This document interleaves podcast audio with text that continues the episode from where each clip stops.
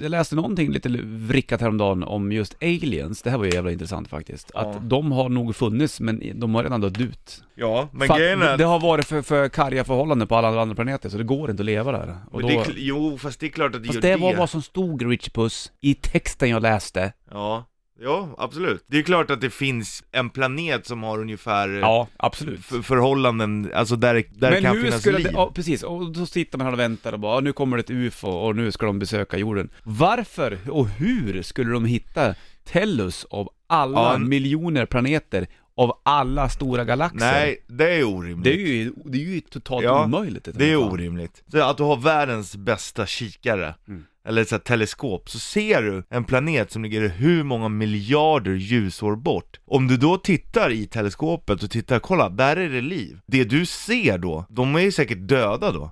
Ja, alltså exakt. det du ser då, ja då är, det- har det liksom gått miljarder år Vilken liksom. besvikelse när du själv då sätter dig på skeppet och... Åker bort och så är det helt...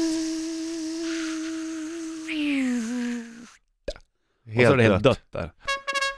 Varför har folk inte varit på månen mer gånger för? Det är jäkligt intressant och man var ju bara på månen under tre år. Alltså det var så? Ja, under 69 till 72. Sen gjorde de inget. under en och samma president, Nixon. Anledningen som man tror att man inte reser längre är ju för att det finns ingen prestige i och Var på månen? Nej. Däremot finns det ju mycket annat som, som skulle vara bra med att vara på månen. Om du är på månens baksida till exempel. Så eh, då kan du eh, fånga upp eh, m- mycket fler så här frekvenser, låga frekvenser och allt sånt där. Som störs på jorden. Om du går ut på månen, för den har ingen atmosfär. Alltså vå- vi skyddas ju av våran atmosfär. Mm. Så går du ut och även om du har rymddräkt så det hjälper ingenting mot strålningen. Så du skulle ju vara helt sönderstrålad. Speciellt när jag läste om hur länge de hade varit ute. Ja, hur länge hade- 20, 22 timmar, alltså då, det finns liksom ingen chans att du klarar dig mot att få, Du är inte ute konstant i 22 timmar. ja, det är ju och få en- strålning på dig. Alltså jättestark strålning. Man är ju inte vaken 22 timmar ens, ta mig fan. jo det är man visst det, på helgerna.